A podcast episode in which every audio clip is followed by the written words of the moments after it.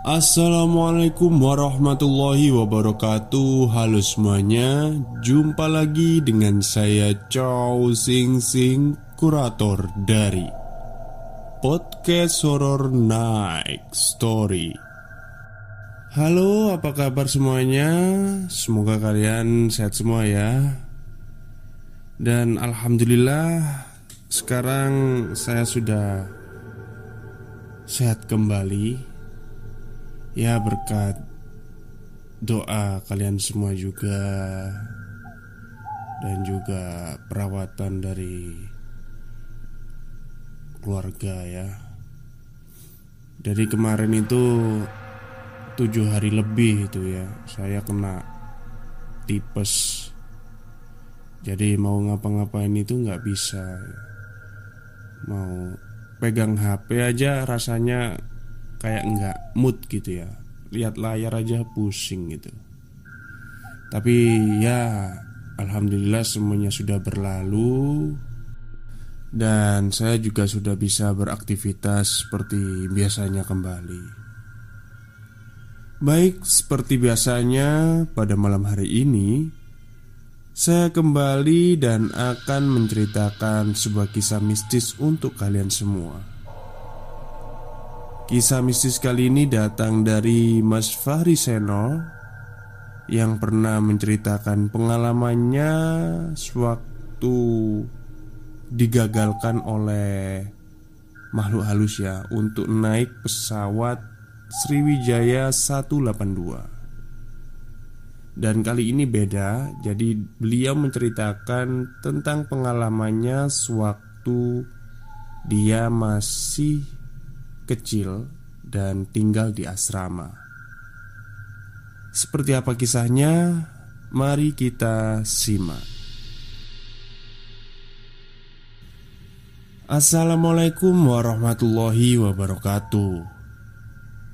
Selamat malam Mas Chow Sing Sing dan pendengar setia dari podcast Horror Next Story.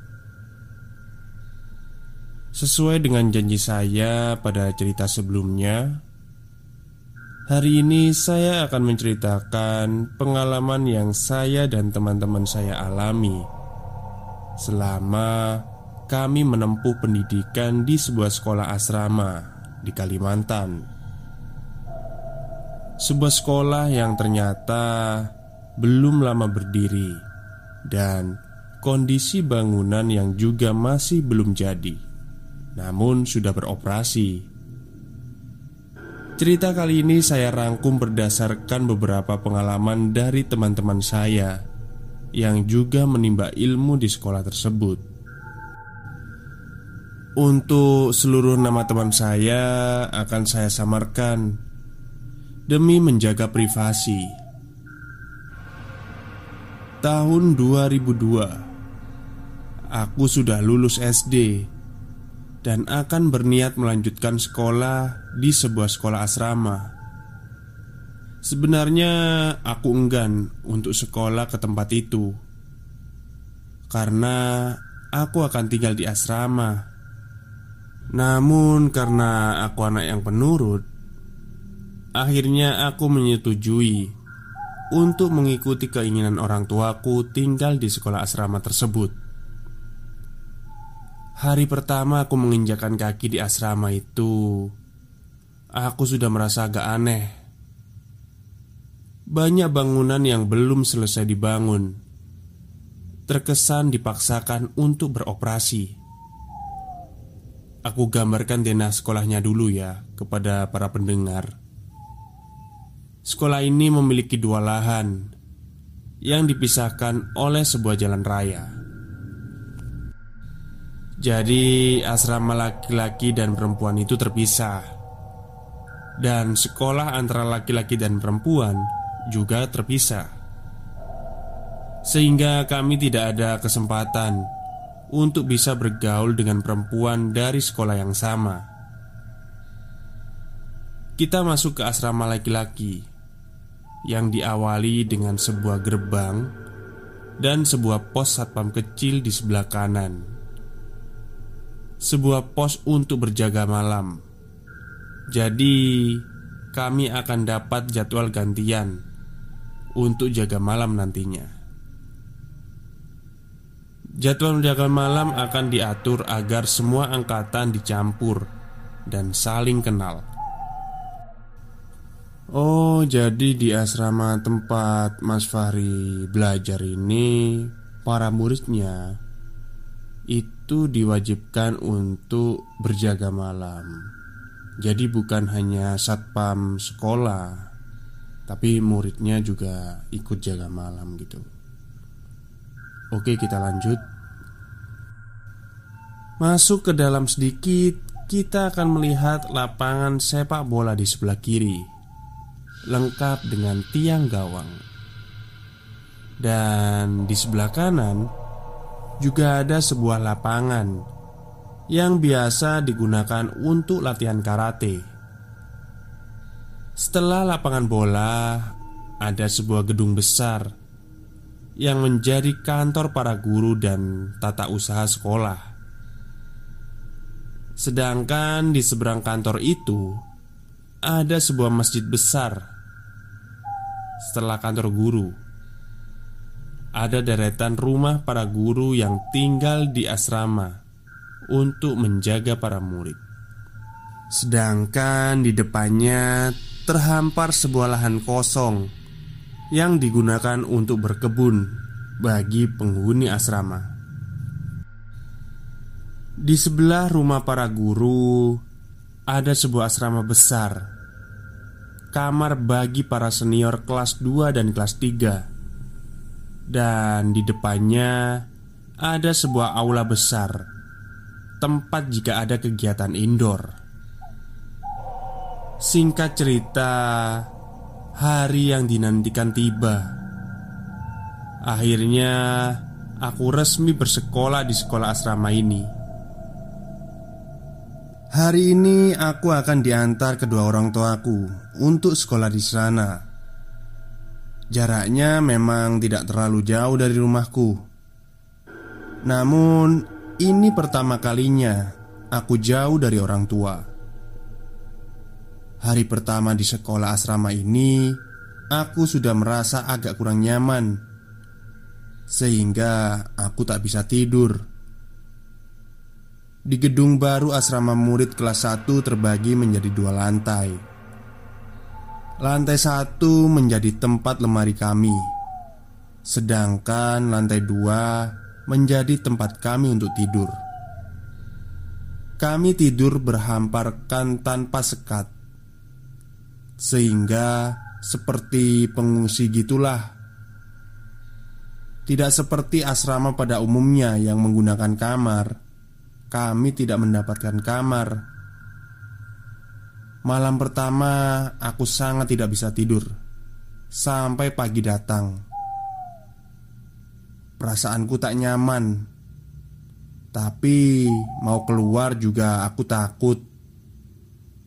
Akhirnya, aku hanya berdiam, memejamkan mata, tapi tetap saja tidak bisa tidur. Tiba-tiba terdengar suara alarm keras mengagetkan kami. Itu adalah tanda bagi kami untuk bangun dan segera sholat subuh. Setelah sholat subuh, kami akan senam pagi sebentar dan kemudian mandi, terus sarapan. Beberapa bulan berlalu, kami sudah saling kenal sesama murid kelas 1. Bahkan Aku sudah akrab dengan beberapa kawan di sana. Sebut saja nama mereka Budi, Anto, dan Jono. Kami selalu berempat jika ke mana-mana. Kami juga saling berbagi jika dapat kiriman makanan dari orang tua. Pada suatu malam, Budi membangunkanku dari tidur. "Ri, Ri, bangun dong sambil menggoyang badanku. "Ada apa sih?" Jawabku agak kesal karena dibangunkan di tengah tidurku. "Temenin aku dong ke WC." "Udah nggak tahan nih," jawabnya. Aduh, males ah, ngantuk Minta temenin Jono aja sana Jawabku sambil membalikkan badan membelakanginya Jono nggak bisa dibangunin. Ayo lari temenin aku. Udah nggak tahan nih. Pinta Budi padaku Akhirnya aku menyetujui Untuk menemaninya ke WC Saat tiba di WC Budi langsung lari Ke dalam salah satu toilet Dan berteriak kepadaku untuk jangan ditinggalin Aku menunggunya di depan lorong toilet. Di ujung lorong, aku melihat papan yang dipasang untuk memisahkan toilet yang kami gunakan dengan toilet yang kami juga tidak tahu kenapa harus dipasangi papan begitu. Karena jika pagi kami melihat hanya ada beberapa toilet saja dan tempat mandi. Oh, jadi di antara lorong toilet itu ada salah satu toilet yang dihalangi atau di portal gitu ya sama papan. Mungkin ada apa-apanya gitu. Ya, tidak ada yang spesial. Tetapi kenapa ditutup dengan papan? Bukannya itu bertambah aneh? Tanpa sadar pandanganku sudah tertuju ke arah toilet yang ditutup itu cukup lama. Sampai aku menyadari Seperti ada seseorang Yang berjalan di lorong membelakangiku. Sejenak aku mau melangkah Mengintip siapa gerangan yang ada di sana. Tapi Aku dikagetkan dengan tepukan oleh Budi yang selesai. Dan kami langsung kembali ke asrama Untuk melanjutkan tidur kami. Pada malam yang lain Jono kali ini yang mengalami hal aneh. Setiap Kamis malam seluruh murid akan berkumpul di kelas masing-masing Dan berlatih pidato hingga jam 10 malam kami diperbolehkan tidur larut karena Jumat sekolah libur dan diganti kegiatan bersih-bersih asrama. Setelah jam 10, kami berbondong-bondong kembali ke asrama atau kantin untuk jajan. Aku, Budi, dan Anto bergegas keluar. Namun, Jono bilang kalau dia masih mau di kelas dulu menyelesaikan tugasnya. Akhirnya kami meninggalkannya sendirian Karena kami sudah merasa haus dan lapar. Tak lupa kami berkata pada Jono Untuk menyusul kami ke kantin jika sudah selesai. Namun ternyata Jono tak kunjung menyusul kami. Kami berpikir mungkin dia sudah balik ke asrama dan tidur Sampai di asrama, kami melihat kasur Jono masih kosong. Ah, mungkin dia sedang ke toilet. Jono ini punya kebiasaan ke toilet sebelum tidur. Akhirnya kami tertidur karena merasa lelah dan Jono juga belum kembali. Subuhnya saat bangun, Anto membangunkan kami dan bilang kalau Jono tidak ada. Budi menjawab, "Mungkin sudah bangun dan ke masjid duluan." Kami akhirnya bersiap untuk ke masjid. Namun, Anto aku lihat kebingungan memikirkan Jono. Selesai sholat dan senam, kami tak kunjung juga melihat Jono. Akhirnya kami melaporkan kepada senior. Dan mereka menyuruh kami untuk mencari di mana kami terakhir kali melihatnya. Kami langsung menuju ke kelas. Terakhir kali kami melihat Jono.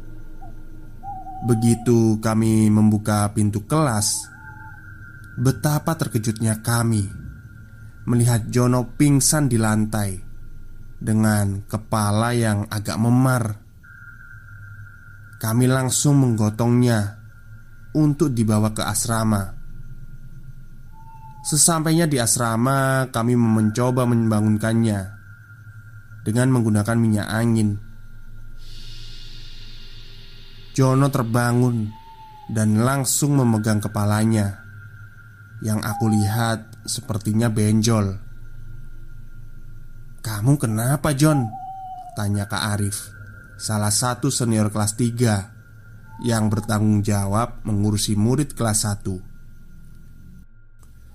Itu kak Kepala saya kebentur tembok kayaknya Jawab Jono sambil meringis menahan sakit dari benjolnya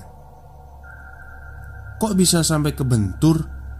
Tanya Kak Arif Saya buru-buru tadi kak. Terus kaki saya kepleset Dan kebentur tembok deh nggak sadarkan diri Jawabnya. Ya udah lain kali lebih hati-hati. Kamu istirahat sekarang Kata Kak Arif sambil berlalu meninggalkan kami. John, kamu bohong kan? Anto tiba-tiba bertanya pada Jono.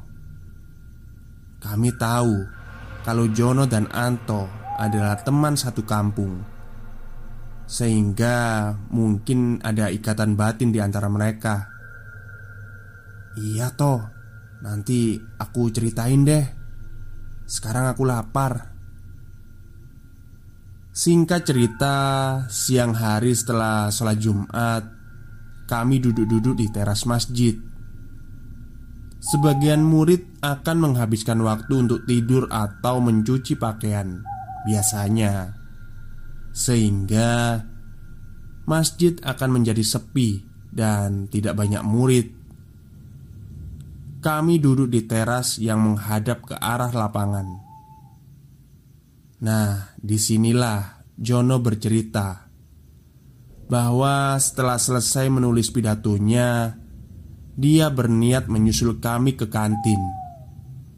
Namun, tiba-tiba ada angin kencang berhembus dari jendela, sehingga kertas pidato Jono berhamburan di saat Jono memungut kertas yang berhamburan di lantai dan ingin bangkit, tiba-tiba dia melihat sesosok wanita dengan pakaian putih berada di jendela.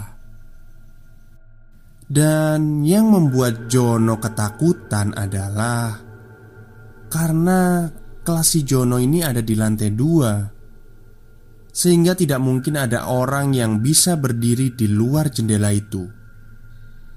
Dan sudah disimpulkan bahwa itu adalah makhluk halus. Jono begitu ketakutan dan langsung berbalik berlari.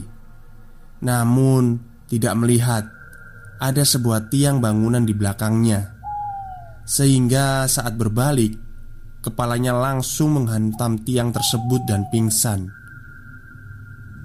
Jono yakin dengan yang dilihatnya itu. Sehingga saat itu Kami tidak pernah pergi sendirian jika ke mana-mana. Kami berjanji akan saling menemani Karena takut hal seperti ini terjadi lagi. Wah so sweet sekali. Pernah suatu hari juga Giliran Budi yang mengalami hal aneh. Hari itu air di kamar mandi tidak jalan Sehingga kami harus mandi ke kolam di depan gedung yang belum jadi Aku, Anto, dan Jono sudah bersiap untuk ke masjid. Jika maghrib biasanya kami disuruh berkumpul setengah jam sebelum adzan maghrib. Sedangkan Budi kebagian jadwal piket asrama. Mereka yang mendapatkan jadwal piket asrama mendapatkan tugas untuk membersihkan sampah Menyiapkan makanan dan memastikan seluruh asrama aman Tidak ada murid yang bolos dari kegiatan. Karena Budi mendapatkan jadwal piket tersebut Maka Budi adalah orang terakhir yang mandi. Karena dia harus memastikan seluruh murid kelas 1 tidak ada di asrama lagi Dan sudah ke masjid. Setelah memastikan seluruh murid kelas 1 ke masjid Budi pun bergegas untuk pergi mandi Akhirnya Budi pun mandi sendiri. Di kolam tempat kami mandi. Saat Budi pergi ke kolam Dia hanya melihat Haryono. Haryono ini adalah salah satu teman kelas satu kami. Yang bisa dibilang dia ini cukup nakal dan jahil. Hampir seluruh murid kelas 1 Sudah pernah dijahilinya Meski begitu, dia anak yang baik dan mau membantu teman-temannya. "Yon, kok belum ke masjid?" tanya Budi. "Iya, Bud, aku telat tadi habis nyuci." jawab Haryono. "Ah, kamu ini. Ya sudah, ayo cepat mandi." ajak Budi sambil mengguyur air ke seluruh badannya. Budi mandi dengan santai. Namun tiba-tiba Dia merasa seperti ada yang memperhatikan. Memang Di sekitar kolam itu masih dikelilingi oleh rumput liar yang amat tinggi. Kami tidak pernah diizinkan untuk bermain di sana. Tiba-tiba Haryono berteriak But but Ada layangan putus Teriak Haryono sambil langsung berlari mengejar layangan tersebut. Yon, mau ke mana? Teriak Budi kaget sembari mengenakan pakaian dalamnya. Layangan Bud, itu ada layangan putus. Memang ada sebuah layangan besar yang putus. Namun arah jatuhnya ke dalam semak belukar yang tinggi itu Budi melihat Haryono berlari tanpa ragu Masuk ke dalam semak belukar. Budi sebenarnya malas mau mengikutinya Tapi ini tanggung jawabnya karena piket asrama. Budi menyusul Haryono Melewati jalan setapak yang dibuat oleh pijakan kaki Haryono Budi masuk semakin dalam ke semak belukar itu tapi Budi tak kunjung menemukan Haryono. Merasa sudah masuk semakin dalam dan waktu suasana juga semakin gelap Budi akhirnya memutuskan untuk bergegas keluar dari semak belukar tersebut. Dilihatnya Alat mandi Haryono sudah tidak ada. Dia merasa kesal. Ternyata Haryono sudah duluan ke masjid meninggalkan dirinya. Budi merasa dipermainkan oleh Haryono.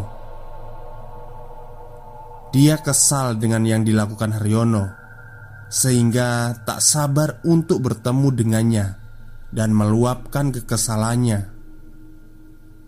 Singkat cerita, selepas makan malam dan tugas piket sudah selesai, Budi menghampiri Haryono dan kebetulan saat itu sedang berbincang-bincang dengan aku dan Anto Budi datang Dan langsung mendorong Haryono sambil berteriak Kamu itu Gak bercanda gak bisa ya Ada apa Bud? Tanya Haryono bingung Pakai nanya lagi Kemarin kamu ke mana? Kok langsung ninggalin aja? Kemarin. Haryono tampak bingung. Ada apa sih? Coba jelasin dulu Bud. Ada apa ini? Sambil mengajak mereka untuk duduk dahulu. Akhirnya Budi menjelaskan semua yang terjadi kemarin. Mulai dari bertemu Haryono Saat mandi Terus ditinggalkan saat di semak belukar. Eh Bud kamu yakin yang kamu lihat itu aku? Tanya Haryono dengan muka bingung. Ya iyalah, siapa lagi emangnya? Hantu. Jawab Budi ketus. Aku dan Anto bingung mendengar cerita Budi. Karena kami bersama Haryono Dalam perjalanan menuju masjid. Kalian jangan bohong Teriak Budi tidak percaya dengan yang kami ceritakan. Tak lama Jono datang Sambil membawa makanan ringan Dan langsung duduk. Yon Gila Suara adhanmu keren juga ya. Nakal-nakal gitu ada juga ya kelebihanmu Canda Jono. Budi semakin kaget. Dia baru sadar Bahwa suara adzan yang dia dengar memang suara Haryono Bagaimana mungkin dia bisa berada di masjid dan adzan, sedangkan petugas adzan pasti sudah ada di masjid sebelum masuk waktu sholat dan memimpin sholawat. Dan saat Budi mandi, suara sholawat sudah terdengar. Budi tidak percaya dengan apa yang dialaminya, dan siapa yang menemaninya mandi mirip sekali dengan Haryono. Pernah juga kami mengalami peristiwa yang sangat mengejutkan, di mana ada orang gila yang masuk ke dalam asrama dan berteriak bahwa tanah sekolah ini adalah tanah setan. Jadi beberapa hari ini ada seorang orang yang gila yang selalu berhenti di depan asrama kami dan meminta makan. Awalnya hanya meminta makan, namun lama-kelamaan dia masuk ke dalam asrama. Tentu saja kami melarangnya. Setiap yang mendapatkan tugas berjaga di depan asrama pasti akan menemuinya. Pernah di saat aku kebagian jaga malam di depan asrama, orang gila itu datang dan mendorong pagar memaksa untuk masuk. Dia bilang bahwa itu ada api yang sedang terbang di dalam asrama. Akhirnya kami mengusirnya. Namun, aku lihat pandangan orang gila itu tertuju ke asrama kami. Seperti memperhatikan sesuatu dan yang membuat kami kaget adalah suatu malam Orang gila itu tiba-tiba ada di dekat kolam Tempat biasa kami mandi. Dia berteriak-teriak mengatakan bahwa tempat ini isinya penuh sekali Sangat banyak sekali di sini. Kami murid kelas 1 bingung Dengan apa yang diteriakannya Orang gila itu pun diamankan oleh para senior dan guru-guru Kemudian dikeluarkan dari asrama dan diusir untuk pergi. Sebelum pergi, orang gila itu berkata, "Kalian ini gila ya, mau-maunya tinggal bersama mereka." Itu yang aku dengar ceritanya dari para senior. Nah, inilah tragedi yang membuat kami seisi asrama kaget. Suatu hari, orang gila itu datang lagi dan di depan pagar asrama. Kebetulan Jono yang bertugas jaga malam waktu itu. Tapi dia hanya berdiri diam, mematung saja, melihat ke arah sekolah kami. Biasanya dia akan berteriak minta masuk, tapi ini hanya diam saja di depan pagar kami. Dan kemudian orang gila itu pergi meninggalkan sekolah ditelan kegelapan malam. Paginya, karena ini adalah hari Jumat, maka sekolah libur dan diganti kegiatan bersih-bersih. Namun, paginya kami akan berolahraga terlebih dahulu, yaitu lari pagi keluar dari asrama, menyusuri jalan di depan sekolah, dan kemudian kembali lagi ke asrama. Itulah rutinitas kami setiap Jumat pagi sebelum bersih-bersih. Kami bersiap untuk berlari. Kami berbaris berpasangan dan mulai berlari kecil melewati asrama. menuju rute yang biasa kami lewati. Ada hal yang berbeda kami lihat. Kami melihat para guru ada di tengah jalan.